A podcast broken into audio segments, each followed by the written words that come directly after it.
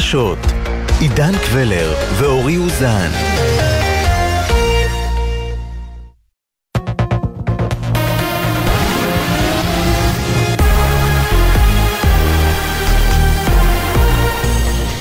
גלי צה"ל, השעה אחת. שלום רב, באולפן אהוד גרף עם מה שקורה עכשיו. פרשת מותו של הפלסטיני קוסאי מעתן בסוף השבוע בכפר בורקה. בפעם השנייה תוך יממה, הפרקליטות ביקשה לערער לבית המשפט העליון על ההחלטה לשחרר את, למעצר בית את פעיל הימין אלישע ירד. לטענת הפרקליטות, הראיות החדשות שהוצגו מצדיקות את מעצרו. כתבנו שחר גליק מזכיר כי ירד שוחרר אמש בהחלטת בית המשפט המחוזי, שקבע כי רף החשדות נגדו נמוך במיוחד. זאת לאחר חמישה דיונים בבתי המשפט השונים. הביקורת על הקפאת הכספים לרשויות הערביות. ראש עיריית אום אל-פחם, סמיר מחמיד, מתייחס להחלטת ראש הממשלה נתניהו לפיה הכסף יעבור בפיקוח, ואומר לנורית קנטי לא נכון להתייחס לרשות מקומית כאל ארגון פשע. הוא קורא לשינוי בקריאת המציאות של הרחוב הערבי. יש ביקורת ויש ניטור על הכספים שנכנסים לכל רשות. זה לא משנה אם זה רשות ערבית או יהודית. יש רשויות שארגוני הפשיעה מנסים או נכנסו, אבל זה לא נחלתם של הרשויות הערביות. בואו תעשו את זה דיפרנציאלית. אם יש לכם חשדות ברשות 1, 2, 3, כן? אתה לא יכול לבוא ולהכפיש 67 רשויות, עם כל הכבוד. look, המשרד לביטחון לאומי ומשטרת ישראל חושפים. גל ההתפטרויות במשטרה נבלם וחלה ירידה של 15% בקרב המתפטרים המשרתים בקבע ביחס לנתונים שנדגמו אשתקד. כתבתנו הדס שטייף מעדכנת שבשנה האחרונה התקבלו בקשות רבות להתגייס למשטרה, בייחוד נוכח תוספות שכר ייעודיות בהיקף ממוצע של אלף שקלים, המוענקות לתפקידים בדרגות המתחילות. בעקבות מקרי ההתאבדות האחרונים של שני הלומי קרב, יושב ראש ארגון נכי צה"ל עידן קליינמן קרא בגלי צה"ל עוד ברגע הזיהוי יש לייעל את הליך ההכרה. לא להתמהמה וליצור סחבת מתמשכת. צה"ל חייב להביא למצב שבכל חטיבה לוחמת יהיה קצין נפגעים. ברגע שצה"ל ייקח את האחריות וידאג לכל המסמכים הבירוקרטיים שמתלווים לתהליך, התהליך הזה יהיה הרבה יותר מהיר וקל גם לאגף השיקום. רק השבוע קיבלתי עדויות משני לוחמים שישבו בוועדה, ומספיק שהרופא קוטע אותם באמצע. זה כבר כשל מבחינתי. כתבנו הצבאי דורון קדוש מעדכן כי במשרד הביטחון מנהלים בימים אלה הליך הפקת לקחים מהמקרים האחרונים, ובקרוב צפויים לפרסם את המסקנות. בהוואי יותר מ-30 הרוגים בשרפות הענק המשתוללות שם ביומיים האחרונים.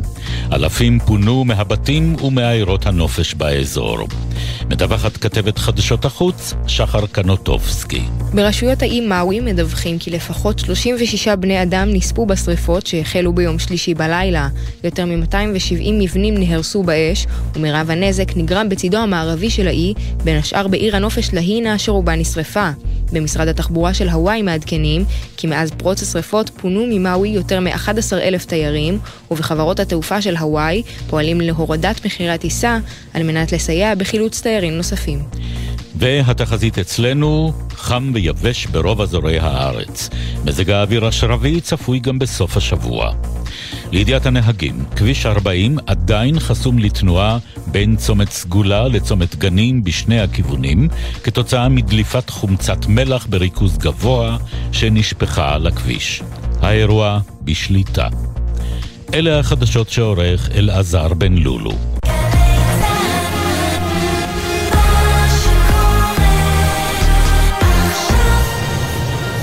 בחסות הפניקס סמארט, המעניקה עד 45% הנחה בביטוח המקיף. כוכבית 5432, או חפשו הפניקס סמארט בגוגל. כפוף לתקנון המבצע, הפניקס חברה לביטוח בע"מ.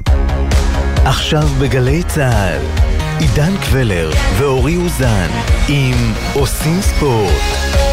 מה שקורה עכשיו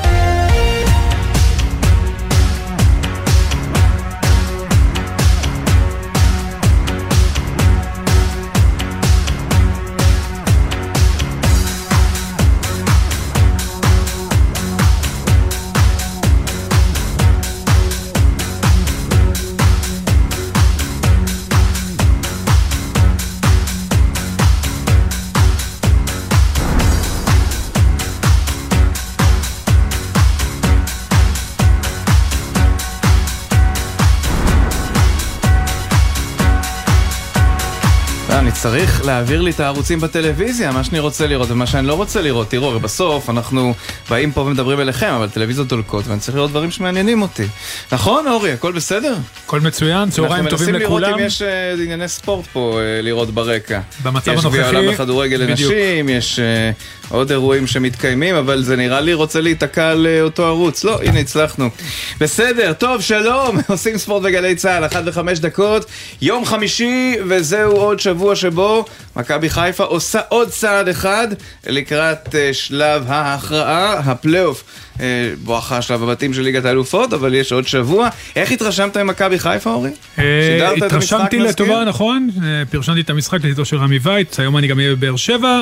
מכבי חיפה במופע טוב, הגיעו מוכנים מאוד למשחק. שיפור מהמשחקים הקודמים, דסדגו מסיק מסקנות, עלה עם הרכב התקפי, לחץ גבוה. והביא את ההכרעה, מחזיר את מכבי חיפה לארץ עם יתרון משמעותי, מול קבוצה טובה, אל לנו לזלזל בסלובן, אה, ששם גם יש סיפור, ולדימיר וייס השני, מאמן את ולדימיר וייס השלישי, שלא שיחק, ישחק בארץ. אתה יודע, שלושה דורות של כדורגלנים זה משהו שהוא די נדיר, ומכבי חיפה היא ממש קרובה לשלב הפלייאוף של ליגת האלופות, ההמנון של ליגת האלופות. שוב, אנחנו מקווים מאוד בסיכוי גבוה, כן. להתנגד בסמי עופר, גם אם זה במשחק ההכרעה מול יאנג בויז, שזו כבר משוכה הרבה הרבה יותר גבוהה, שמה, אם באמת הדברים יסתדרו, כן. מעבר של חיפה יהיה סנסציה. מיד בתוכנית כמה מעושי הכותרות בשבוע הזה, למשל ענבר לניר, שזכתה במדליית הזהב בטורניר המאסטרס בג'ודו, והיא במקום הראשון בקבוצת המשקל שלה, או בקבוצת התחרות שלה, נדמה לי. אה, גם לניר כן. וגם רז הרשקו, ראשונות בעולם. בדיוק. גם רמי כהן, יושב ראש הפועל תל אביב, לקראת הדרמה, האם אכן תעבור הפועל לבעלות החדשה של עופר ינאי ואבי זיידנברג. גם על גיא פניני שפרש, נהיה עם ליאור אליהו, שחקן העבר, גם אייל שוויקי, מנכ"ל בית הנשיא, על טקס אות הנשיא בספורט, נשמע למי העניקו. וגם אלעד אדיקה, הקופץ לרוחק, מי שהגיע למקום טוב, באליפות אירופה עד גיל 20 בירושלים. זה ועוד כל מה שנספיק. אבל תחילה עלייך אירי סנטמן, מאמנת נבחרת גיאורגיה בכדורגל לנשים, הפעם כאן בארץ. שלום איריס. צהריים טובים יורי ועידן. אהלן, אז בניגוד לשריף, אה, מכבי חיפה יכולה הייתה להתבטא אתמול הרבה יותר משלב מוקדם, כדרורים ברחבה, אה, רק במזל רע דברים לא נכנסו, אה, אבל יש עדיין קצת בלאגן ודברים עוד לא בדיוק סגורים. איך הרושם שלך? באמת, המשחק הזה היה הרבה יותר קל משריף, כי שריף באמת הסתגרה מאחור, והרבה יותר קשה לייצר אה, משחק מסודר אה, ויצירתי כשמשחקים מול קבוצה שסוגרת. אבל uh, מאוד הופתענו לדעת, אחרי ששמענו כל כך על המאמן שהוא מאוד מאוד טקטי, uh, לגלות שברטיסלבה מגיעה ושיחקה משחק מאוד פתוח, מצד אחד לא לחצה על מובילי הכדור, ומצד שני גם לא סגרה הרמטית, לא עשתה שום מהלך שיביא את uh, שחקני מכבי חיפה ללחץ. כשהם מחזיקים בכדור. הגול בדקה החמישית בכלל פתח את המשחק, ופיירו שכולם צקצקו, או רובם צקצקו ביכולות שלו, זה שער רביעי בחמישה משחקים.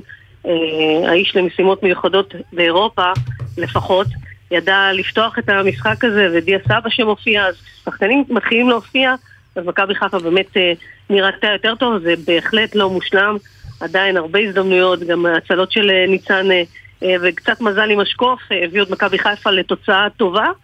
אין ספק שפה בסמי עופר המשחק צריך להיות אחרת, אבל בעיקר דיברתם על הנושא של, של המאמן. ברגע שמאמן לומד ומצליח לייצר, אז מסאי עושה באמת אה, עבודת בית ושיעורי בית, ומצליח אה, את הקבוצה הזאת לייצב יותר ויותר אה, ממשחק למשחק. איריס, את חיה בחיפה, ומן הסתם הסיפור הגדול זה, יש שני סיפורים, זה גם איתמר ניצן, שהגיע משום מקום, וגם מסיידגו, זה די דומה, כל אחד מהם וסיבותיו שלו, וכל משחק מבחינתם הוא משחק גם לקנות את אמון הקהל, אני חושב ששניהם אתמול באמת עשו צעד יפה כדי שהקהל, בעצם לרכוש את אמון הקהל, ואתה יודע, לתת לעצמם עוד קרדיט לקראת המשך העונה. אני חושבת שרק מי שנמצא באיצטדיון יכול להבין כמה הלחץ המנטלי על אה, ניצן ודגו כל כך גדול, בייחוד שהתקשורת אה, בחיפה אה, מדברת עליהם כל הזמן. אז קודם כל שאפו ענקי לשני הספורטאים האלו, כי גם דגו מבחינתי הוא ספורטאי, וכשמאמן מצליח לעמוד בלחץ הזה ולהבין שכל טעות קטנה כולם מסתכלים, ובעיקר גם ניצן שעומד uh, בביקורת הזאת ומצליח להביא את עצמו uh, למשחק, אז בהחלט uh, זה לא פשוט. אבל אתה יודע, האמון מגיע עם הזמן ומשחק למשחק, ואני מאמינה שאם ניסן ימשיך ביכולת הזאת ויביא אה, את העלייה הזאת, ודגו כמובן אה, יראו שיפור ממשחק למשחק, אז הקהל של מכבי חיפה, אה, אתה יודע, יסתכל עליהם בעין אחרת. כן, אני גם רואה, תשמעי, אני, יש כמה דברים שדגו עושה מאוד יפה. קודם כל רואים שהוא הפיק לקחים במשחק בשריף, הוא עלה בשלושה בלמים מאוד נסוג, פה הוא עלה 4-3-3 ולחץ, ובאמת בהתחלה חיפה הכריע את המשחק. אבל האמון שהוא נותן לילדים שהוא גידל בנוער, שבוע שעבר זה היה גם חלילי ואז שיבלי בהמשך. שוב חלילי פותח בהרכב, שחקן שעד העונה אין לו דקה בליגת העל, אה, וגם מחמוד ג'אבר. שבעונה בשבוע שעבר העלה את אה, מכבי חיפה מול שריף, או יותר נכון הביא אותה להערכה ומשם להעלה, ואתמול לטעמי, אחד משני השחקנים הכי טובים על המגרש.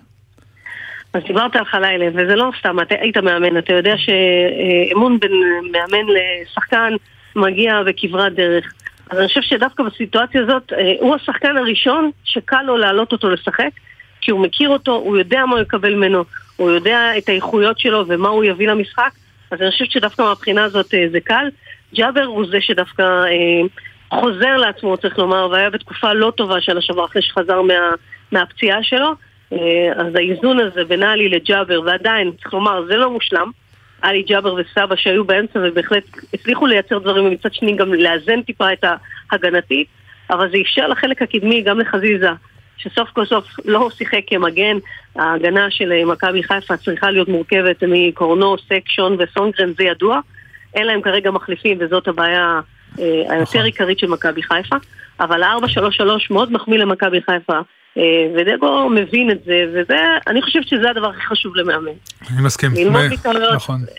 להסיק את זה, לא להיות מקובע, וזה מביא תוצאות בסוף. ואתמול גם הניצחון, ללא השחקן של מכבי חיפה מתחילת העונה, בטח אחרי המשחק, לטעמי המשחק top שלוש של זרים בארץ, מה שהוא עשה פה מול שריף. ושרי, נאחל לו מזל טוב להולדת בנוימן, נכון? בנוימן, כן. לא טועה. נכון. לא הגיע למשחק, ואתמול דיה סבא נכנס, סוף סוף, גם הוא נכנס לעונה, אולי בגלל ששרי איננו ואין ואקום בכדורגל, מישהו צריך להיכנס, אז דיה סבא אתמול נכנס לאותה עמדה. אמרת נכון, כששחקן שעליו מוטלת, אתה יודע, העיניים אה, נוצצות שמדברים על שירי, ו... וכל האחריות מוטלת עליו, וכשהוא לא נמצא, או לא משנה, כל שחקן שלא נמצא אה, בקבוצה, תמיד לנו אה, כבר צריכליה ששיחק בגיאורגיה, והוא לא, לא רצה לשחק עם היו 21, ואני אמרתי להם, שם דווקא למאמן, שזה יעשה טוב לקבוצה, זה יעשה טוב לנבחרת, שחקנים אחרים ייקחו על עצמם, וזה בהחלט עשה טוב להם, אני גם מאמינה שזה עשה טוב לסבא, זה לא צריך להיות אחד על חשבון השני כמובן, שאם זה לא משחק, אבל בתחילת עונה, שכל שחקן מנסה לייצר לעצמו את הביטחון אה, אה, של המשחק שלו, אז בהחלט ראינו שללא שרי, מכבי חיפה מנצחת, זה מאוד מאוד חשוב, גם בשביל שרי, דרך אגב, שגם הוא ירגיש שלא הכל עליו, וגם עבור שחקנים אחרים שידעו שאפשר להסתדר בלעד שחקן כזה או אחר. איריס, אה, משהו על הדילמה שהייתה, כלומר לשירי לא הייתה דילמה, היה ברור מראש שהוא לא יגיע למשחק, אה, אבל משווים את זה למה שעבר על נטע לביא. אני אגיד לך מה אני חושב, קודם כל אין דין משחק בליגת האלופות אה, בליסבון שפותח את המסע החלומי הזה לבין עוד סיבוב שלישי במשחק חוץ כשיש איפה, איפה לתקן, וגם משהו מאוד חשוב, אני לא משוכנע שבניגוד נגיד למשפחה של נטע לביא, שכל המשפחה שלהם נמצאת פה, שרי ורעייתו להבנתי זה כל מה שיש להם, נכון? בסך הכל מדובר בשחקן זר, אני לא יודע אם המשפחות נמצאות כאן, וזה גם משהו, כלומר אני די מבין לליבו שהוא בחר והמשפחה קודמת. אני חושבת שזה החלק העיקרי שדיברת עליו, דווקא השני לא משחק כזה או אחר, כי ספורטאי שיודע שהאחריות לשחק זה כבר לא חשוב אם זה ליגת אלופות או בדרך לליגת אלופות או משחק אליפות. זה משחק שהוא חשוב לכל הדעות, זה לא משחק ליגה, אה, ושרי ידע שהוא צריך להיות ונטע בטח שידע. אה, במקרה הזה של שרי, אז כשהאישה בבית חולים, אתה לא יודע איך הדברים מסתבכים בבית החולים. אה, יש לו גם שני ילדים קטנים פה שצריכים היה לשמור עליהם. כמו שאמרת, הוא נמצא פה לבד, היה אפשר להבין מה השיקול שלו להישאר. ושוב פעם, שחקני כדורגל זה לא מכונות, יש משפחה, וכנראה, כנראה, שאם הוא נשאר, הוא היה צריך להישאר. להיות עם אשתו לרג, ברגע הזה, לתמוך בה, כי לא היה מישהו אחר שיעשה את זה, וזה בסדר, החלטה כן. נכונה מאוד. כן, זה כן. גם מה שאתה, שוב, זה אינדיבידואלי לחלוטין. אני חושב שלא צריך נכון. לשפוט, אתה רוצה להיות ליד אשתך, יש לך נכון. נולד ילד, אתה גם לא יודע מה היה בהיריון, יכול להגיד לך מניסיון אישי, ש... נכון.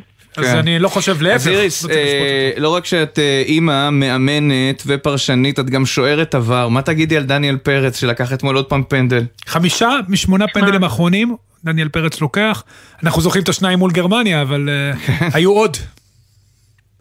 אני אישית מתה על פנדלים. אני יכולה להגיד לך, אישית בקריירה שלי לקחתי ארבעה גביעים בפנדלים. זה רגע מכונן. ומי שמתמכר להרגשה הזאת, זה הרגשה, אני תמיד אמרתי, זה כמו, זה כמו חלוץ.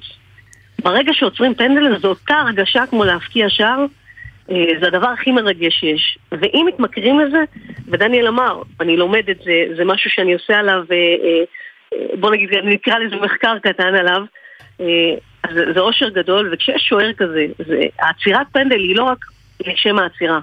זה מביא איתו הצלחה, זה מביא איתו ניצחונות, והמשמעות היא מאוד מאוד גדולה מנטלית, והוא יודע את זה. והוא יודע שזה כלי שיכול לקנות אותו באירופה, זה יכול להפוך אותו לשוער אה, ענק בכל קנה מידה, בטח ובטח במכבי תל אביב. אז אני חושבת שזה כיף גדול שיש שוער כזה, ואם הוא יישאר השנה במכבי תל אביב, אין ספק שזה הערך המוסף של אה, מכבי תל אביב השנה. אה, שאפו ענקי לשוער הצעיר הזה. כן, יהיה מעניין לראות אם הוא יישאר, כי אתה יודע, כן. שוב, זה גדלים, ש... אנחנו שני שוערי על יש לנו עכשיו, דניאל פרץ עוד בארץ, ומבחינת מכבי תל אביב, אתה יודע, הם יעשו הכל כדי שהוא יישאר, כי הוא מאוד מאוד משמעותי. מי השני? עמרי גלאזר, שמוביל, ישחק בליגת האלופות. ההתקדמות של עמרי. מדהימה גם כן. מדהימה, פשוט מה שהוא עשה, המעבר שלו ממכבי חיפה להפועל באר שבע.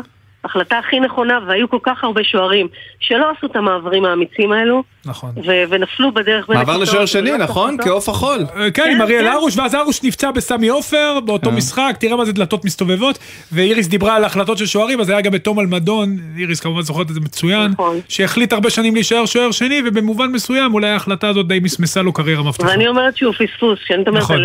על שוער שהוא פספוס, פשוט הוא היה עילוי, וכן, זה צריך להיות אמיץ בהחלטות. קבלת החלטות איריס, כמו בכל דבר, מה לעשות. לגמרי. איריס אנטמן, מאמנת נבחרת גיאורגיה בכדורגל נשים. תודה רבה, איריס. תודה לכם. מיכאל וינסנדט, ערוץ הספורט, שלום. היי, צהריים טובים. אה, אני רוצה להתחיל עם מיכאל רק דווקא, כן. פשוט נחבר את זה למה שדיברנו עם איריס, על יאנג בויס. כן. אם וכאשר, נכון, לא רוצה להקדים, אתה יודע, לא לרתום את העגלה לפני הסוסים, אבל בכל זאת, כששמעתי אתמול אה, כל מיני דברים, אה, אולי חיפה פייבוריטים, לא פייבוריטים, בואו ננמיך לא, ציפיות, לא, זהו. לא. קבוצה שהשקיעה יותר מ-20 מיליון יורו בשלוש שנים האחרונות ברכש, אלופת שווייץ חמש שנים האחרונות. גם סידור המשחקים לא אידיאלי. אז אה, ספר לנו טיפה על יאנג בויז, אתה יודע, בקצה המזלג, כי לא רוצים לנכס חלילה. לא, לא, אין מה לנכס, אני חושב שמכבי חיפה יכולה כבר אה, להתכונן אה, ליאנג בויז, והיינו אתמול אה, מול סלובן, ובסדר, היא תעשה את העבודה בסמי עופר, והיא תהיה בשלב הפלייאוף, כי, כי מגיע לה. אה, תשמע, יאנג בויז, קודם כל נתחיל בזה שהיא לקחה את השליטה הבלעדית שהייתה לאפסה באזל לאורך כל השנים בליגה השוויצרית, וכפי שציינת, בשש השנים האחרונות הם זכו בחמש אליפויות. אה, העובדה שהם גם היו פעמיים בשלב הבתים של הצ'מפיונס בשנים האחרונות, רק הגדילה את הפערים המקצועיים והכלכליים בינה לבין שאר הקבוצות. אמ, אני חושב שהדבר המהותי ביותר מבחינת יאנג בויז לקראת הצמד המשחקים אה, נגד חיפה זה העובדה שהם הצליחו לשמור על כל הכלים ההתקפיים שלהם אה, לקראת, לקראת העונה הקרובה הזאת. אה, פביאן רידר, קשר התקפי שהולך להיות הדבר הבא בכדורגל השוויצרי, ילד בן 20 אם תרצו, השרי, אבל מינוס 15 שנה אה, אה, בגיל. אה, הוא בעצם עושה את המשחק של יאנג בוי, שמרו על שני החלוצים שלהם, גם איתן, גם אנסניה הקמרוני. החלק הקדמי הוא מאוד מאוד מסוכן, וזה, וזה החוזקה של, של אלופת רק כדי לסבר את האוזן, פביאן רידר שדיבר עליו מיכאל, השווי שוק שלו הוא כמעט, הוא כמו השווי של כל שחקני הרכב של מכבי חיפה, וזה 15 מיליון יורו. שוב, שלא, אתה יודע, שלא אה, נחטא ונחשוב שבטעות אנחנו פיבוריטים, בוא נגיע לשם. לגבי, אה, דניאל, אה, מיכאל, הליגות אה, הגדולות מתחילות סוף שבוע. שזה משמח, אבל מה שעצוב זה שהקיץ נגמר, מיכאל, נכון? זה לא, מה שזה זה, אומר. זה משמח. כן, טוב, כל אחד והשקפת כל אחד והשקפת כן.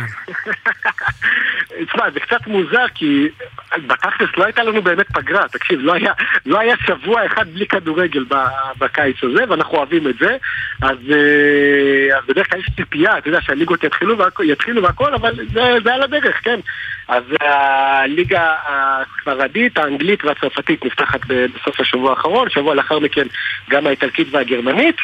עם מה אתם רוצים שנתחיל? בוא נתחיל עם הליגה הטובה בעולם, אתה יודע, מנצ'סטר כן. סיטי מתחילה ביום שישי.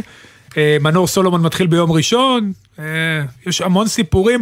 רק כדי, אתה יודע, לפעמים שואלים אותך מי יהיו ה top 4 באנגליה, אתה יש לך שמונה, תשע קבוצות כבר שיכולות להתחרות על, ה... על המקום הזה, וזה פשוט נהייתה ליגה מטורפת, גם מבחינה כלכלית וגם מבחינה מקצועית. קשה, קשה, קשה. היום, אתה יודע, להיכנס ל top 4 זו משימה סופר קשה בפרמייר ליג. מועדונים משקיעים מאות מיליוני פאונדים בשביל להצליח, וגם זה... וגם לפעמים זה לא צולח כפי שראינו מה קרה בצ'לסי בשנה שנתיים האחרונות. אז אה, כן, תשמע, עוד פעם, השאלה הגדולה, האם אה, פט גורדיולה יצליח לעשות היסטוריה ולהיות המאמן הראשון שמוליך קבוצה לארבע אליפויות רצופות בפרמייר ליג, או יותר נכון באנגליה. באנגליה, כן. מעולם זה לא קרה. כן. נכון. מעולם זה לא קרה. למעלה מ-100-150 שנה, מעולם לא קרה שקבוצה זכתה בארבע אליפויות רצופות, וזו המטרה של סיטי ופט לקראת העונה הקרובה, הוא תמיד מציב את היעדים כדי לעמוד בהם. ונראה האם אהלנד, האם ההגעה של גוורדיו, כל הסיטי המתחדשת הזאת, תצליח לשמור על התואר, זו, זו שאלת, אה, שאלת המפתח לעונה הזאת. כן, מסכים איתך. ועכשיו נעבור לליגה הספרדית. ריאל מתחילה ביום שבת מול בלבאו, אה, ופה נשאלת השאלה לא רק אם היא תתחרה הפעם עם ברצלונה יותר צמוד על התואר, אלא אם יתקבל עוד תוספת שכולם מצפים ומחכים שהיא תגיע אליה מפריס סן ג'רמן. כן, אז uh, עוד פעם, אנחנו נצטרך להמתין, אני חושב, עד לימים האחרונים של חלון העברות, עד לסוף החודש, כדי לראות uh, מה, מה באמת קורה עם הסאגה הזאת uh, אמבפה פריז ריאל, אבל קצת במבט uh, כללי יותר על הליגה הספרדית, אני חושב שהדבר הבולט ביותר זה היעדר הכסף, כי אנחנו רואים שהקבוצות בספרד באיזשהו מקום, אז אוקיי, נכון, ריאל מדריד זה, זה פלנטה בפני עצמה, למעלה מ-100 מיליון יורו על בלינגהם והכל, אבל שאר קבוצות הליגה, כולל אתלטיקו מדריד, כולל ברצלונה, הם מכוסים את ריאל מדריד בצד, הוציאו בסך הכל 200 מיליון יורו הקיץ. זה, זה, זה סכום שביום אחד מוצאים באנגליה, אתה מבין? כן. ו... והעובדה שהקבוצות בספרד במשבר כלכלי, יכול להיות שזה הקורונה, יכול להיות שזה אלף ואחד דברים, אתה רואה שזה גם בא לידי ביטוי באיכות השחקנים ש... שמגיעים לשם, זה כבר לא... פעם בוא נגיד אנגליה וספרד היו צמודות, הן מבחינה מקצועית, הן מבחינה כלכלית, היום הפערים הם פשוט אה, עצומים, וריאל מדריד כאן, ובוא נראה, האם, אה, האם החתיכה החסרה בפאזל אה, תושלם לקראת סוף, סוף הקיץ הזה. מיכאל וינסנדט, ערוץ הספורט, תודה. תודה מיכאל. בכיף, ביי ביי. מחר ב-10 בבוקר תיסגר ההצבעה של עמותת הפועל תל אביב על הסכם הבעלות של הקבוצה עם עופר ינאי ואבי זיידנברג. איתנו רמי כהן, יושב ראש הפועל תל אביב, שלום. אהלן, צהריים טובים. אהלן. רמי, ברשותך בהתחלה מורה נבוכים, למי שלא שוחה בחומר ומכיר הכל בעל פה, מתי בכלל נפלה ההחלטה לעבור מהמיזם יוצא הדופן שלכם, שגם מצליח מאוד בשנים האחרונות, לבעצם מתכונת של בעלות חדשה? זה לא שאלה של, אה, של נפלה החלטה, זאת אומרת, קמנו איזה בוקר אחד ואמרנו mm-hmm. יאללה בוא נלך לחפש. זה, זה תהליך שקורה כל הזמן, בכל ה-16 שנה האלה ש, שאני שם, מחפשים איך, אה, איך לעשות הפועל תל אביב יותר חזקה גם מבחינה כלכלית. ו, וצריך אה, כל, כל הזדמנות, כל, אה, כל עסקה שיש, למדוד אותה. אז אה, היינו לבד, ואחרי זה הכנסנו שותפים, אבי איתנו, זה באמת לא משהו חדש, הוא מ-2011-2012. וכל הזמן המשכנו, המשכנו לעקוב, וכשבאה האפשרות הזאת באמת להכניס כסף גדול פנימה ביחד עם אנשים טובים וביחד עם לשמור על הצביון פחות או יותר כמו, כמו שהוא היה, אז uh, זה, זה היה קל לפחות מבחינתי להחליט. אם זה לא היה קורה היינו ממשיכים ככה, היינו ממשיכים ככה עוד עשר שנים, גם עכשיו אם זה ייפול, אז, אז נמשיך ככה. אבל אני חושב שיש הזדמנויות ש... שלא טוב, לא כדאי להגיד להם לא. כן, ורמי, עדיין, איך משלבים, בסוף זה בין uh, סוג של סוציאליזם לקפיטליזם, איך, איך אתם עושים את השילוב הזה? כי יש גבול, יש תקרה למה שקבוצת אוהדים יכולה לאן קבוצת אוהדים יכולה להביא קבוצה מבחינה תחרותית. ובסוף, כשאתה רואה את הפועל ירושלים עם אדלסון וכמובן מכבי תל אביב, אתם כן רוצים להביא תארים.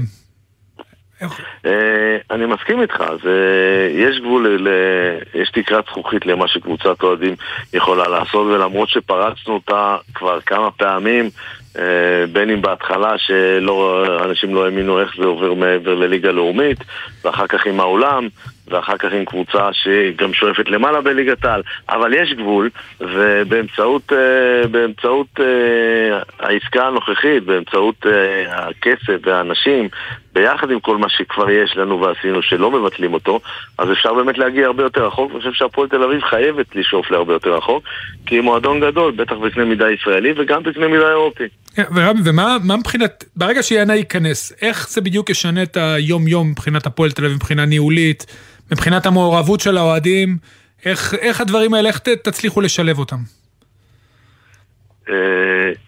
אה, אתה אומר שהיומיום משתנה, ואולי אפילו הייתי אומר לך, יאללה, הלוואי, אבל uh, לא, אני צוחק. הכיוון הוא שהיומיום יישאר uh, אותו דבר. אנחנו ממשיכים לעשות את כל מה שעשינו, אנחנו עושים את זה עם יותר כסף, עם אנשים של אה, עופר uh, שמעורבים, אבי כבר, אבי כבר איתנו, כמו שאמרתי, מעורב מעל עשר שנים, uh, עם, עופר ואנשים שלו גם מעורבים, אבל זה יותר באמת ברמה של...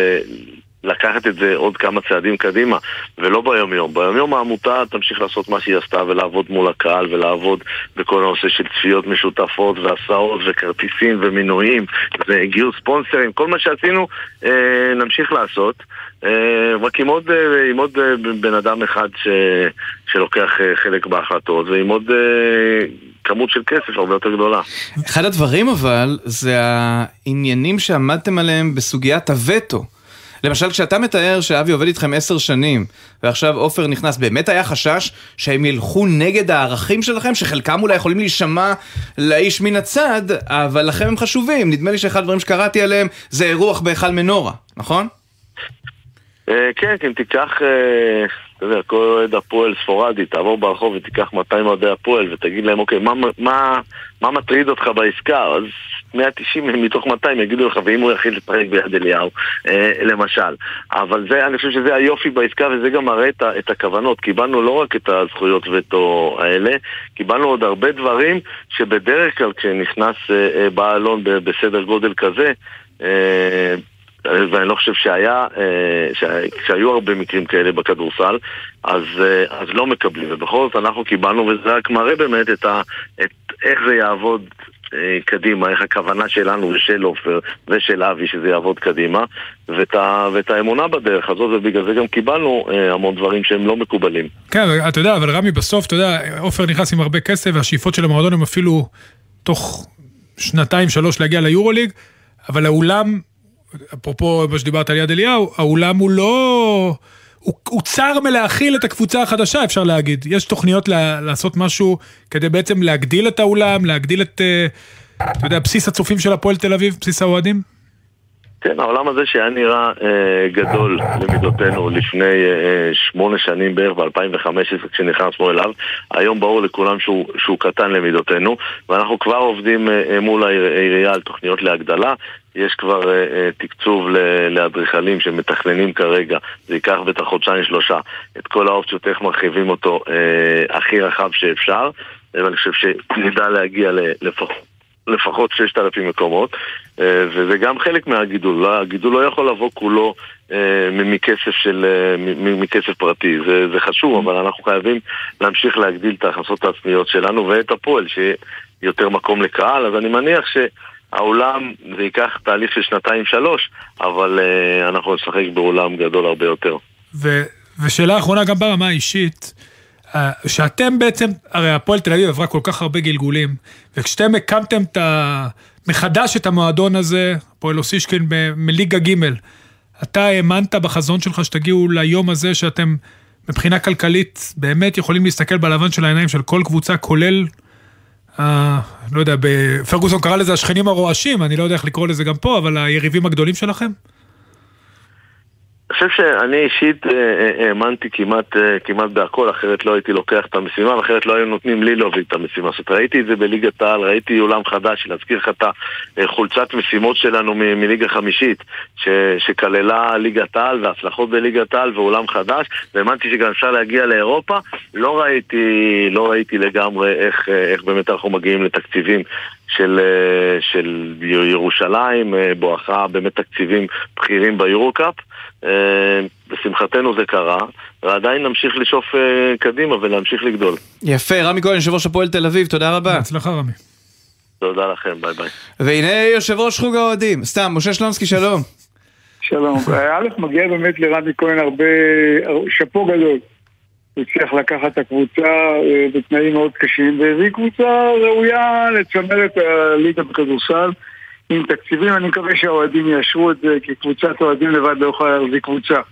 אבל אני דווקא רוצה אה, לעסוק בתחרות האתלטיקה הנהדרת שמתרחשת היום בירושלים. אליפות אירופה עד גיל 20, כן, אהבת את האיצטדיון שאירח פעם מצעדי עצמאות ועכשיו הוא מארח אליפות אתלטיקה.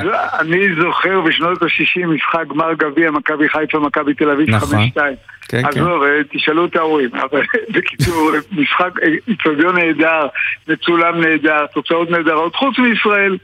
אנחנו כל הזמן מתבשמים באדיקה, מקום שמיני בקפיצה לרוחב. הוא יהיה כאן אגב בהמשך, לא בהרבה דברים אנחנו מקום שמיני באירופה, שלונסקי. בסדר, זה מה שאנחנו מביאים מאליפות אירופה באתלטיקה, אמרנו לפני כמה שבועות, יש לנו בעיה בספורט הישראלי. רגע, אבל בלסינג אפריפה, הוא פשוט עבר את קבוצת הגיל, הוא היה כבר... רגע, אבל שלונסקי, אני שוב חוזר איתך לשיחה שניהלנו לפני כמה שבועות, שלא תשקיע אין תוצאות, ושאין בסיס, אין תוצאות. עזוב, קפריסין משקיעה יותר מאיתנו, כן, הביאה מדליית כן, זהב. אוסטר, כן, מה פתאום, כן, עזוב. כן, מה לעשות, זה נכון. אני אחזור עוד פעם על המשפט, אתלטיקה לא מעניינת פה בישראל, לצערי הרב. אבל זה לא רק זה היה אתלטיקה. בשנות ה-60. לא, בשנות ה-60 אתלטיקה הייתה מאוד חזקה פה בשנות ה-70. אני יודע, כי השתתפתי בתחרויות, ראיתי, זה היה גם בחדשות, היום זה כמעט לא מעניין אף אחד, אתה רואה תחרות יש- אליפות ישראל בריצה, שלושה משתתפים בגמר, עזוב, זה לא קורה. לא זה היה הבסיס, זה מה שאני מסביר לך, ברגע שהמדינה תשקיע ותביא יותר ילדים לא כסף, ויהיו יותר מתקנים, לא היה הבעיה היא, שלונסקי, ה-60, שלונסקי, בשנות כסף ה-60 לא היה לאף אחד, ה-70, רגע, רגע, תן לי לסיים.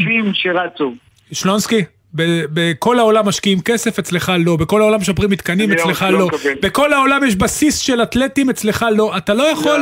בלי השקעה כלכלית ובלי להרחיב את בסיס המשתתפים. להצליח. אני לא... אני זה לא יודע עובדות. מה קורה באתלטיקה, אני רואה מה קורה בשחייה. בכל הענפים.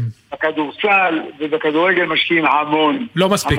שליש מהמדינה אה, האחרונה ב-OECD. שליש. אוקיי, ועכשיו עוד דבר, אה, הפיאסטה סביב אה, גיא פניני, ראיתי שלא ייעלבו כולם, ראיתי את הרעיון של שי האוזמן, תכף אסביר לך למה ראיתי. שעה די משעמם, אף אחד לא יכול לשרוד את השעה הזאת, אבל חיכיתי לי, חיכיתי לראות איך הוא מאמת אותו עם ההתנהגות הנעוזה שלו. אני לא רוצה, אפילו המלוכלכת שלו לאורך כל הקריירה, והכל בעדינות, הוא שחקן לא נקי. לא הבנתי, היית בא לריב? שחקן אם לא היית מראיין היית בא לריב? היית מתכסח איתו? זה לא, הסגנון. הייתי שואל אותו, ולא מחכה לסוף, אומר לו חלק מהדברים, תשמע, הוא שחקן מלוכלך, זה ידוע, זה, זה, זה רק עם השם שלו, אז זה יהיה מאמן, זה יהיה מחנך, מי שזוכר, בשנים האחרונות הוא השתנה אגב, השתנה מאוד לטובה, אבל המ- המסורת שלו, המורשת שלו, מה השאיר אחריו פניני? מה שהשאיר אחריו אנחנו זוכרים טוב מאוד. מישהו צריך להגיד את האמת. אי אפשר כל הזמן להגיד, אני מעריץ אותך. וזה, השחקן הזה עם יכולות, חכם, נבון, ממזר גדול, אבל לא שחקן הוגן. וצריך להגיד את הדברים האלה, לא להתבייש. מותר גם להגיד את זה, לא צריך כל הזמן ללקק וללטף. לא מגיע לו ליטוף, האמת, לא מגיע לו. משה זה שלונסקי. מספיק ל- לפעם אחת, לא? כן, נתת, נתת בראש. נתת אותנו פעורי פה. תודה רבה, שלונסקי. להתראות. אוהבים ספורט, תזכרו. ודאי, להתראות. די, אגב, האוזמן אחלה מראיין. אה, אבל- מעולה, מעולה. תודה, אה, מיד חוזרים.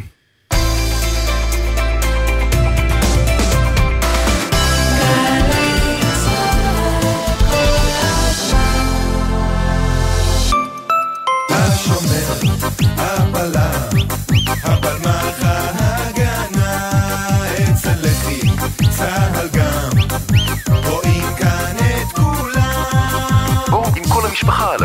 משרד הביטחון להכיר את ההיסטוריה של היישוב העברי מראשית הציונות ועד הקמת מדינת ישראל וצה"ל. תערוכות וסיפורי גבורה במוזיאונים של משרד הביטחון ברחבי הארץ. חייבים לבוא לראות. המוזיאונים של משרד הביטחון. חפשו אותנו בגוגל. מגיש אגף משפחות, הנצחה ומורשת במשרד הביטחון. חוזרים מחו"ל? ודאו שאין לכם טרול בטרולי. צמחים, פירות, ירקות ודברי עט מחוץ לארץ עלולים לשאת מחלות ולחבל בחקלאות שלנו. חוק הגנת הצומח אוסר להכניס צמחים, פירות, ירקות ודברי עץ ארצה. ודאו שאין לכם טרולים בטרולי ותימנעו מקנסות. משרד החקלאות ופיתוח הכפר. השירותים להגנת הצומח ולביקורת. יזמים וקבלנים, קחו רגע שקט והקשיבו לים. הוא קורא לכם. הוא קורא לכם שלא להחמיץ את המכרז החדש של רשות מקרקעי ישראל ברובע שירת הים בנתניה. לאחר שיקום הקרקע והחזרת החוף לציבור, יצאנו לדרך. שמונה מתחמים למגורים, תיירות ופנאי, במיקום מושלם ברצועת החוף בנתניה, עם ים של אפשרויות. יזמים וקבלנים, אל תחמיצו את ההזדמנות. לפרטים ולהגשת הצעות, ייכנסו לאתר רמי. מועד אחרון, 14 באוגוסט. רשות מקרקעי ישראל. עדי, תפני את הכלים מהמדיח, אני לא המשרתת שלך! עדי! נמאס לכם לגור אצל ההורים ואתם רוצים תואר ראשון חינם? אילת רילוקיישן. גם תואר ראשון חינם במגוון תחומים. גם עבודה שווה במלון מפנק. גם מגורים במחיר מצחיק. וגם חוויות לכל החיים. לפרטים חפשו עכשיו בגוגל אילת רילוקיישן. תואר ראשון חינם. מספר המקומות מוגבל. עיריית אילת והתאחדות המלונות אילת. רילוקיישן, עלק. ג'ם, ג'ם, ג'ם, ג'ם, ג'ם, ג'ם, הג'ם, ג'ם, ג'ם, ג'ם, ג'ם, ג'ם, ג'ם. הג'ם של קוטנר. בכל חמישי יואב קוטנר מארח את האומנים הכי מעניינים להופעה חיה באולפן. הג'ם של קוטנר, עכשיו ביוטיוב של גלגלצ. והיום, בשתיים בצהריים, בשידור בגלי צה"ל. עכשיו בגלי צה"ל, עידן קבלר ואורי אוזן עם עושים ספורט. אז כאמור, גיא פניני, אחד הווינרים הגדולים בכדורסל הישראלי, פרש השבוע, איתנו מי שמכיר אותו היטב, ליאור אליהו, כדורסלן העבר. אהלן ליאור. אהלן אהלן, צהריים טובים, מעניינים. בסדר גמור, תשמע, דבר אחד אי אפשר לומר על גיא שהוא לא מעניין. אולי אחד האנשים הכי מעניינים שהיו כאן, עם הכי הרבה נשמה, לטוב, הרבה לטוב, גם לרע. כן, אתה יודע, אה, יש דברים שהוא עשה ו... והוא מתחרט עליהם, אה, גם שמענו את זה בכל מיני מקומות כאלה ואחרים. אה, אבל בסך הכל, תראה, את מה שגיא נתן למשחק, אה, מעט מאוד נתנו בארצנו הקטנטונת. גיא תרם המון, מה- שאתה אומר מהנשמה, להישגים, לכדורסל, להמון המון דברים, לצבע, ואנחנו צריכים עוד כמוהו. ספר לנו קצת, אתה יודע, גם ברמה האישית, מי, מי היה גיא פניני, מי זה גיא פניני שאנחנו פחות מכירים? אה, אני לא חושב שהוא גיא אה, פחות מכירים אותו. גיא יודע להחצין את עצמו ולהגיד אה, ולהראות את מה שהוא מרגיש. הרבה פעמים, אתה יודע, הדברים הפחות טובים שהוא עשה הגיעו ממקום של להראות משהו. אבל עם זאת, אתה יודע, אין ספק שהוא אחד השחקנים הכי גדולים, אחד הקלעים הכי גדולים שהיו פה, אחד ה clutch players הכי טובים שהיו פה אי פעם. אה, וזה אי אפשר לקחת ממנו, והוא הרוויח את זה בחסד. וכמו שאמרתי מקודם, הלוואי שיהיו לנו עוד כמה כאלה. אני רוצה להחזיר אותך, דווקא לפני שאנחנו נרים לך כמובן, וזה, דווקא לאירוע שהיה ביניכם אה, לפני 16 שנה. אה, מכבי תל אביב, הפועל ירושלים, הפאול המפורסם. אחר כך אתם נפגשים באוניברסיטה, ספר לי קצת על האירוע הזה. ואיך אתה קיבלת אותו. תראה, אני, אני ספציפית אה, באותו רגע לא הרגשתי, זאת אומרת, אני כעסתי על, בזמנו על הפאול הזה שהיה מאחורה, כי לא עושים פאול מאחורה על שחקן שמגיע אה, אה, לבד מול הסל, בטח לא ב-30 הפרש. אה, אני חייב להודות שאני לא ידעתי שהוא הגיע כמו שהוא הגיע, כן? אף פעם לא דיברתי על זה, גם לא התראיינתי אז, אבל...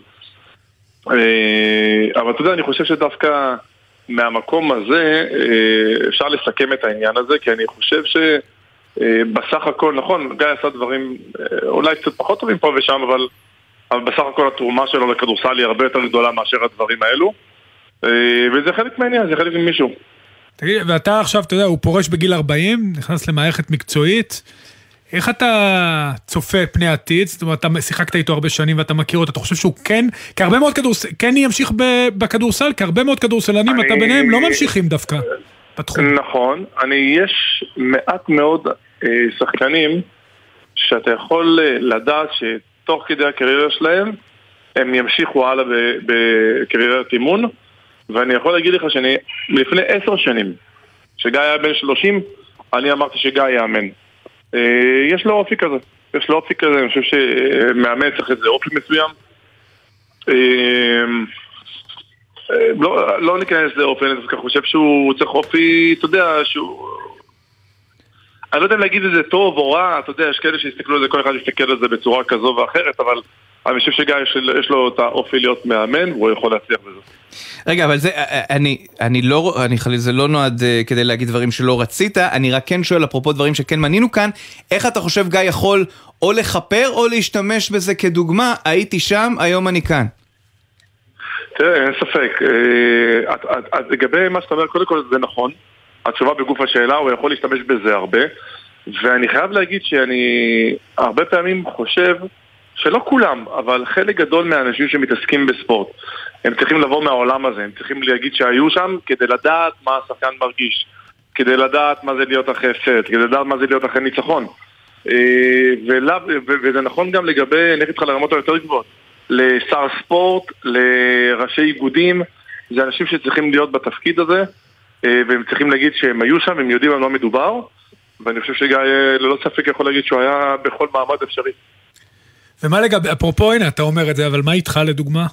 אני רואה שוב, אני... אני, אני יכול... אני, אתה יודע, אני, אני חייב להגיד שאני כאילו אה, מהצד הזה שלי לא, לא דוחף לזה. אה, אולי איפשהו אני מחכה להזדמנות ש, שתקרוץ לי, אבל אה, אני לא חושב ל, אה, סתם למשהו שאני אלך אליו. אם תהיה איזושהי הזדמנות קורצת, נוצצת, אז אולי זה משהו שאני אלך עליו, אבל נכון לרגע הנוכחי אני חושב שאני פחות נמצא בנקודה הזו. אה, וזהו, אני מתעסק בהרבה דברים. משפחה, שלושה ילדים. חשוב. אה, מתעסק גם בכל הקטע של, אה, העברתי הילוך בכל הקטע של הנדל"ן עם המשפחה. וכשיש לי זמן, אתה יודע, כולם יודעים על הקטע של הנגרות, אבל לאחרונה אני קצת מזניח את זה, כי בסופו של דבר זה, זה תחביב ולא עבודה. אבל אה, כשיש לי זמן, פעם ב- אני בורח לכמה שעות. אז אני רוצה לשאול אותך, קודם כל אני מקווה שהשלושה ילדים עוסקים בספורט, אה, ברמה כזו או אחרת. ודבר שני, אני רוצה לשאול אותך, רגע, ליאור, איך החיים... כרגע סיים אה, קייטנת גלישה. יפה, אז, או, אה, אז אני רואה אותו בים כנראה, כי אני רץ שם בבוקר. ואיך החיים אחרי, מעניין אותי, אתה יודע, אתה נכנס לסוג, ברמה אישית אני יכול להגיד לך, אתה נכנס לסוג של ואקום, שום דבר לא יכול להכין אותך לפרישה. איזה עצה אתה נותן לגיא, שהחיים אחרי, הוא ייכנס אליהם בצורה הרבה יותר חלקה, ואתה יודע, הוא יישן יותר טוב בלילה. תראה, גיא חוץ מלשחק, למעשה ממשיך באותה מסגרת. אה, אז אני חושב שדווקא הנחיתה שלו מפרישה מכדורסל עצמו תהיה הרבה יותר קלה לשחקנים שפורשים ולא נשארים במסגרת של כדורסל. אה, בגדול, בגדול, בגדול, כל הקטע של הנגרות בזמנו אה, הגיע ממקום של למלא את החלל הזה כמו שאתה מדבר עליו, שאני באופן אישי יכול להגיד שפחדתי ממנו, אבל ידעתי למלא אותו כמו שצריך, ואני נהניתי מכל שנייה אחרי הפרישה. אה, צריך להבין שספורטאים, אה, אנשים, אתה יודע, נוטים לפתוח את הטלוויזיה בשמונה, שמונה, שמונה, תשע בערב, לראות את המשחק ולהגיד איזה כיף לו, משחק כדורסל והוא הולך הביתה. אבל זה באמת באמת באמת 24/7, זה לישון נכון, וזה לקום כן. בזמן כדי נכון. לישון צהריים, כי חייבים לישון צהריים, וההתנהלות, גם אם יש אימון ערב בלבד, ולרוב זה לא קורה, לרוב זה שני אימונים או אימון בוקר ומשחק, עדיין ההתנהלות היא 24/7, ולהתנהל סביב זה, ולאכול נכון, ולישון נכון, ולא להתעייף, ולא לעשות דברים שמעייפים, אה, וזה חייב להיות התנהלות מאוד נכונה, ולאט לאט אתה מתנתק, אז בהקשר של השאלה שלך, ההתנתקות הזו של היציאה ממסגרת לוקחת לך שנים. אה, וכל הקטע של ויתור זה יישמע מצחיק לאנשים שמקשיבים לנו, אבל כל הקטע של ויתור על שנת צהריים. פעם זה היה מבחינתי, אין כזה דבר לוותר כי יש אימון בערב תמיד, ואם אני לא ישן צהריים אז אני לא מצליח להתאמן בערב. אז אה, כל העניין של ויתור על שנת צהריים ועניין של לישון קצת יותר מאוחר, פעם זה היה וואו וואו וואו, אלוהים ישמור, אני אשן קצת יותר מאוחר, איך אני, איך אני צריך לתפקד יום אחרי. וכל העניין של להפנים שפתאום אתה לא ספורטאי ו- ו- והזמנים קצת משתנים, לוקח זמן לעכל את זה כי בסופו של דבר אה, כמעט 20 שנות קריירה. אתה יודע מה המזל שלכם, שאצלכם אתם חייבים לישון צהריים כי זה חלק מהמקצוענות. אצלנו בתקשורת אם אתה ישן צהריים אתה כנראה עצלן ולא עשית את היומית שלך עדיין, אז כל אחד בעולם שפה תרוץ מגיע. בבוקר 15 קילומטר, אז תישן צהריים, זה לא פשוט. זה נכון, זה נכון, אתה יודע, הרבה פעמים... הגוף עייף. כמה פעמים ויתרתי על דברים בצהריים הכי כיפים בעולם. כן. כי אני חייב לישון צהריים, כי יש אימון בערב, או יש משחק מן הסתם. כן, כן. ליאור, אה, תודה שדיברת איתנו. תודה, ליאור ליאור. אליהו, בהצלחה רבה. תודה לכם, תודה.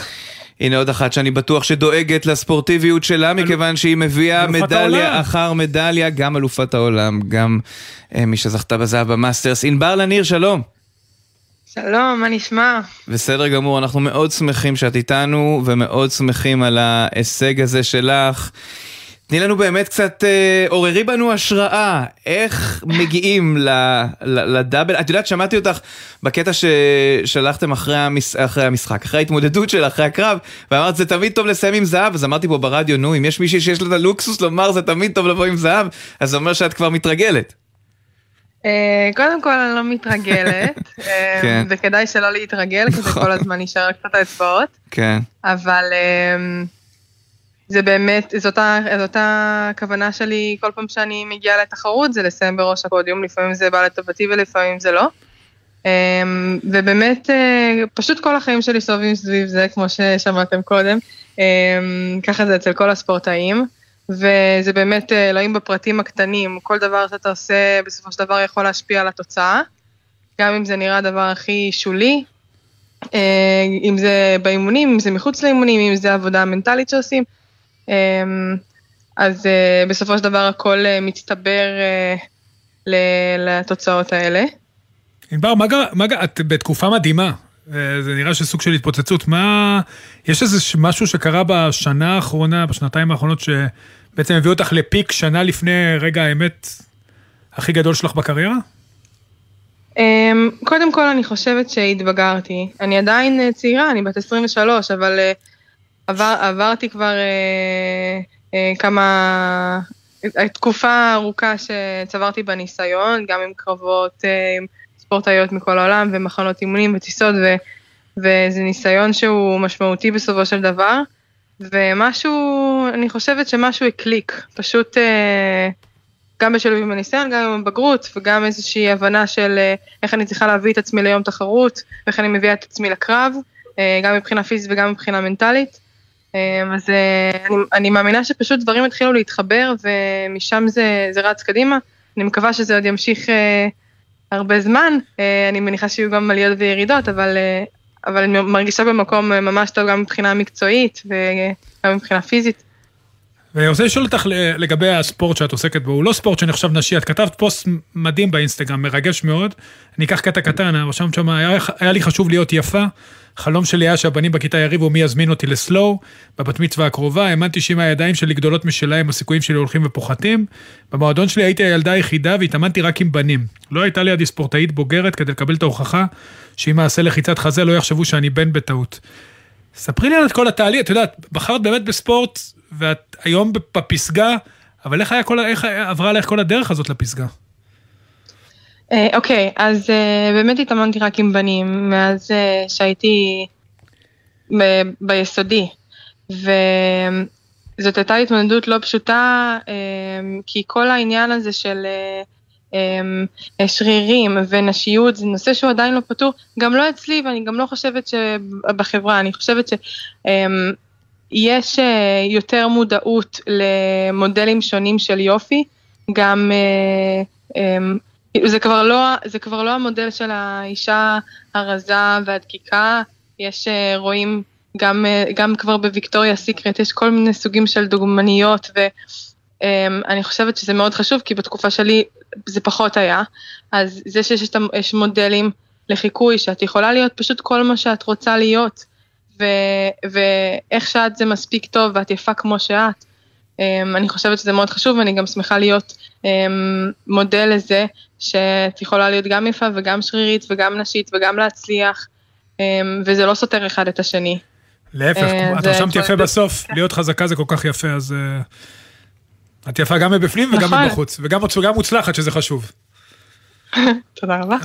לא, זה באמת מאוד, את יודעת, אני חייב להגיד לך, אני, תמיד שואלים אותי על, על רעיונות עם ספורטאים, ואת מכירה את זה שבטח אם את רואה אה, כל מיני משחקים או דברים כאלה, אז זה נורא משעמם אחרי זה לראות את האנשים מדברים בסוף, כי זה אומרים, ניצחנו, כבשנו, עשינו, כל הקבוצה וזה. וכשאני מדבר איתכם, ספורטאים שהם לרוב בספורט אישי, אה, והם והם די בבדידות עם עצמם, או במחשבות, או ב... אני חושב שהתהליך שאתם עוברים, ובעיקר גם אה, מעבירים אותנו כשאנחנו מדברים איתכם, הוא משהו הרבה יותר עמוק והרבה יותר כיפי, עם, עם הרבה יותר ערך מוסף, כי אנחנו מצליחים לגעת בנקודות שביום יום אנחנו לא נוגעים בהם, והם יותר מדי מתעסקים ב... את יודעת, מי כבש, מי ניצח, מי כלה, ולכן זה נורא נורא מדהים. איך את רואה את השנה הקרובה שלך? אני מניח... שאת צריכה להתמודד בוודאי עם לחץ מתוכך, עזבי את הסביבה, על מה יהיה בפריז. כן, אז אני אגע בנקודה הקודמת שאמרת, ואומנם ג'ודו זה ספורט אה, יחידני, כי אנחנו בסופו של דבר עולות לבד על המזרון, אבל אנחנו באמת כל היום ביחד הנבחרת, ועוברות את הכל ביחד וגם מתאמנות אחת עם השנייה, כי הרי אי אפשר להתאמן לבד. אמ, אז, אה, אז כן, יש את האלמנט הקבוצתי בתוך הענף היחידני, אבל אני מסכימה איתך שלהיות אה, בענף יחידני אה, דורש ממך תעצומות ולהבין את עצמך לעומק בשביל אמ, לבצע בסופו של דבר את, ה, את מה שאתה צריך לבצע, ויש משהו בספורט קבוצתי, חס וחלילה לא מזלזל, זה ענפים מדהימים, ויש אה, בהם המון קושי, אבל אה, כשאתה לבד אתה חשוף לגמרי, ואתה צריך להביא, אתה לא יכול שיהיו לך נקודות חולשה. כן. צריך להביא, אתה צריך שיהיה לך הכל. את יודעת, גם, אמ, דווקא בגלל זה, התחרות המשולבת, בוודאי זו שהייתה בטוקיו, היה בה משהו נורא מרגש. כאילו, האחים והאחיות נכון. שלך נלחמים על מדליה ביחד. זה היה שילוב של האישי והקבוצתי, וזה היה מאוד יפה. כן. זאת הייתה תחושה מדהימה, בחיים לא חו... חווינו חוויה כזאת, ואני עצמי בכלל לא התחרתי על המזרון, אה, כי לא היה בי צורך באותה תחרות, אבל אה, אה, גם אה, ראית שכל אחד מביא, כל אחד יש אה, ג'ודו שונה וסגנון שונה ויתרונות וחסרונות, ואילו השילוב של הכל ביחד הביא איזה, איזה אקס פקטור כזה, שגם גרם לנו לנצח בסופו של דבר. ענבר, את, שוב, את באמת קסם, אני... את נכנסת לשנה אולי הכי קריטית בקריירה שלך. איך את משמרת את ה... באמת, את הרצף הישגים המדהים שלך כדי להגיע ברגע האמת בפריז ולהפוך לעוד ג'ודוקה בלתי נשכחת בהיסטוריה של מדינת ישראל? טוב, אז uh, אני יודעת שאני קמה כל בוקר ואני מתאמנת ואני עושה את כל מה שאני יכולה בשביל uh, לנצל את היום הזה בשביל להשתפר כמה שאני יכולה. ויש, אני מרגישה שאני עוד לא בשיא שלי ושיש לי כל כך הרבה דברים להשתפר בהם, שזה דברים שאומנם הם, הם לא מונעים ממני לנצח בתחרויות, אבל זה כן מאוד מאוד יכול לשפר אותי, אה, אז אני, זה מה, ש, זה מה שמאוד מניע אותי כרגע. והכל מכוון גם עם הצוות המקצועי, שאני הרש, כולם, הם, מ, התוכנית מכוונת בשביל שבטוקיו זה יהיה הפיק שלי, זה יהיה השיא, אמ, ו... ואני באמת מקווה שכך יהיה. הלוואי. ענבר לניר, זוכת מדליית הזהב בטורניר המאסטרס, אלופת העולם. תודה רבה. תודה רבה. אני אגיד לך מילה, אני משמיע את הרעיון הזה לבת שלי. קדימה. כן, היא מדהימה. רק אל תרוץ עם זה בסיבוב הופעות, תן לענבר לא, להתפרנס לא, מזה. היא- אני רוצה שהיא תשמע, כי אתה יודע, אני, חשוב לי שהילדים שלי יעסקו בספורט, ושאתה נכון. שומע דבר כזה, וגם הרעיון שקראתי איתה לפני זה. היא מדהימה. אגב, כולנו עוברים אה, חוויות כאלה או אחרות בחיים בהקשרים שונים. זה לאו דווקא בהקשרים החברתיים הרחבים שענבר דיברה עליהם, ולכן כשאתה שומע מישהו כזה, אתה תמיד מוצא את עצמך. גם אם אתה לא אותו דבר באמת, אתה מוצא מה לקחת ולומר, היי, היה לי משהו כזה. טוב, אנחנו רוצים לדבר עכשיו עם אה, מנכ"ל בית הנשיא אייל שווקי, שלום. צהריים טובים, אורי ועידן, ואני מצטרף למה שאמר אורי לפני רגע. כאבא לשלוש בנות, אז באמת אה, רעיון מעורר השראה, הספקתי לשמוע. כן. אני מצטרף לכל מילה. קודם כל אבא לשלוש בנות, אז כבר השגת את שלך בחיים, אז הכל טוב, אה, לא- אין מה להתקדם מפה. חד משמעית. כן. אז, אז בהקשר דומה, היום טקס אות הנשיא בספורט, הרבה מאוד דברים אה, שעל הפרק, אה, למשל, דברים שכבר התרגלנו להכיר, כמו אה, איתורן קריית שמונה, דווקא בירידת הליגה, אבל זה אולי בא לסמן את מפעל החיים ש, שנעשה שם, א' ס' רמת השרון, מה מבחינתכם היה, הייתה החשיבות באירוע הזה? אני אגיד לכם, למעשה עם הכניסה של אה, הנשיא הרצוג לתפקיד לפני כשנתיים, אז אה, יצאנו עם המיזם של כולנו חלק מהמשחק, בשיתוף עם אה, עמותת ערכים בספורט והמון גופים טובים שנרתמו לטובת העניין. בעצם מתוך ראייה אני תמיד נוהג לומר שספורט, מניח שאתם תסכימו איתי, זה המכנה המשותף הרחב ביותר שיש לנו בחברה, בישראל בפרט ובעולם בכלל, אבל...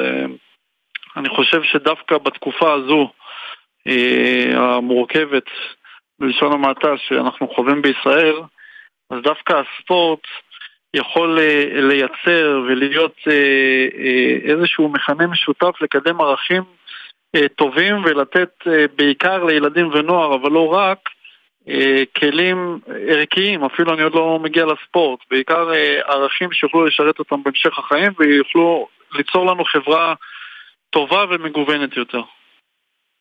וכאשר אנחנו מדברים על הדברים, אז אמרנו אה, קריית שמונה וא' ס' רמת השרון, אלה גופים מוכרים, אבל אני רוצה דווקא לשים את הזרקור על אה, שילוב וקידום ילדים עם מוגבלות בספורט, וזה מכבי צבי יבנה. מה תוכל לספר עליהם? זו קבוצה מאוד מיוחדת. אז יש ככה, באמת יש גם את, אה, קודם כל אני חייב לומר שבראשות הוועדה עמד הספורטאי אה, האולימפי נועם גרשוני. וחבורה של אה, אנשי מפתח מובילים מאוד ומשפיעים בספורט. וכשהם הציגו בפנינו את הקבוצות הזוכות והמועדונים שהשתתפו זה היה קודם כל מאוד מרשים ומרגש. וכמו שאתה אומר באמת, קודם כל גם היה מגוון מאוד רחב בזוכות. אה, באמת מקריית שמונה, אה, רמת השרון, יבנה, שגם יבנה, ואני רוצה לציין גם את ביתר מעלה אדומים, שכנראה זו קבוצה שלא בהכרח עסקתם בה או תעסקו בה בשידורים הקרובים, אבל באמת זה מועדונים ש... שהקימו בהדרגה קבוצה לילדים עם מוגבלות, ובאמת נתנו את כל התנאים הנדרשים להצלחת הקבוצה, וזה לא מובן מאליו. אה, זה באמת אחד הדגלים שאנחנו ביקשנו לשים עליו דגש ביחד עם אה, קידום ילדות ונערות בספורט וגם אה, העצמה של ילדים מהפריפריה החברתית והגיאוגרפית וזה באמת מעורר השראה. אנחנו במהלך השנה האחרונה באמת רואים את השינוי שה... שהאות הזה דרבן באמת מועדונים וקבוצות לעשות שינויים, ואני מקווה מאוד שזו רק ההתחלה כן. ושאנחנו עוד לפני דברים גדולים מה בדרך. שנקרא קצת שפיות בתוך הבעירה. אייל שווקי, מנכ"ל בית הנשיא, תודה. תודה רבה, אייל. ממש ככה. תודה חברים, יום טוב, ביי ביי. ביי ביי. מה? נאחל לימים יותר טובים, נקווה לאירועים כאלה. כן. עזוב, אני הכותרת שלי ענבר לניר, איזה אישה, אמיתית. מותר וואו, לומר וואו. אישה, נכון? דווקא בגלל 20, בטח. שזה מתייחס למהות הכל כך חזקה וואו. של מה שהיא מביאה איתה. מדהימה, מדהימה, מדהימה. כל הכבוד לה, באמת. יחידת סגולה, ואני מקווה גם שאת השנה הזאת תמשיך ככה. תשמע, דיברו עליה, גם כשהיא עלתה לקרבות הראשונים שלה. לפני כמה שנים דיברו, אמרו, שימו לב אליה, תסתכלו, והנה היא פורעת את ה...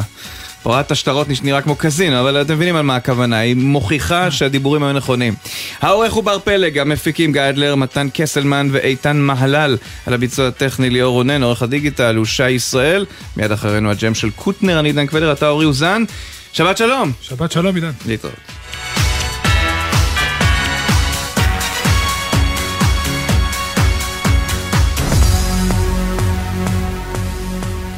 בחסות קל, המציעה הלוואה מהירה לכל מטרה. כוכבית 4580. אי עמידה בפירעון ההלוואה עלולה לגרור חיוב בריבית פיגורים והליכי הוצאה לפועל. כפוף לתנאי החיתום ולאישור המלווה. קל. בחסות הפניקס סמארט, המעניקה עד 45% הנחה בביטוח המקיף. כוכבית 5432, או חפשו הפניקס סמארט בגוגל. כפוף לתקנון המבצע, הפניקס חברה לביטוח בע"מ. בחסות אוטודיפו, המציעה מצברי ורטה לרכב, כולל התקנה חינם, עד תשע בערב. כי אם יש משהו יותר מעצבן מלהיתקע בפקק, זה להיתקע בחנייה. אוטודיפו. מה נשמע, נשמע, סוף השבוע, של החיילים.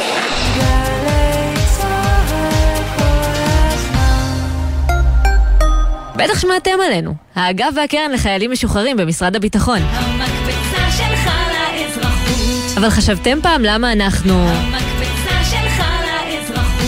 זה משום שאנחנו מציעים הרבה יותר ממענק ופיקדון אישי. גם לימודים, הכשרות ומלגות וגם ייעוץ אישי והכוונה. אז היכנסו לאתר שלנו, תנו לנו להיות... מקפצה לאזרחות.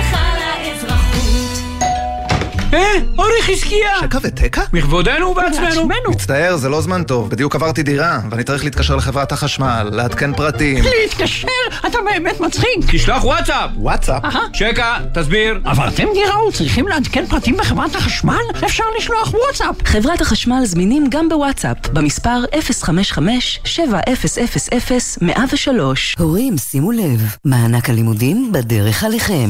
הביטוח הלאומי משלם מענק לימודים בסך 1,101 שקלים לילדים בגילי בית הספר היסודי והתיכון, במשפחות שבראשן הורה גרוש, אלמן, רווק או פרוד, ובמשפחות של ארבעה ילדים או יותר המקבלות קצבאות קיום. המענק ישולם ישירות לחשבון הבנק שלכם ב-10 באוגוסט. לבדיקת זכאותכם ולבירור אם עליכם להגיש בקשה למענק, היכנסו לאתר הביטוח הלאומי, או חייגו כוכבית 6050. ביטוח לאומי לצדך, ברגעים החשובים של החיים. מה, אתה מתגייס לקרבי? כן, אחי. איזה תותח! איך ידעת? לרגל גיוסי יולי-אוגוסט, קצין התותחנים הראשי, תת-אלוף נרי הורוביץ, מתארח באולפן קולה של אמא בגלי צה"ל, עם הסיפורים הכי מעניינים מהחיל, הקולות מהשטח, והאיחולים לתותחנים החדשים. קולה של אמא, עם קצין התותחנים הראשי. מחר, עשר בבוקר, גלי צה"ל.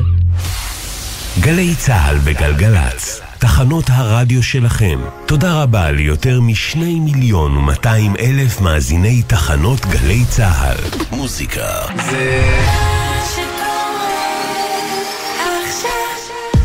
מיד אחרי החדשות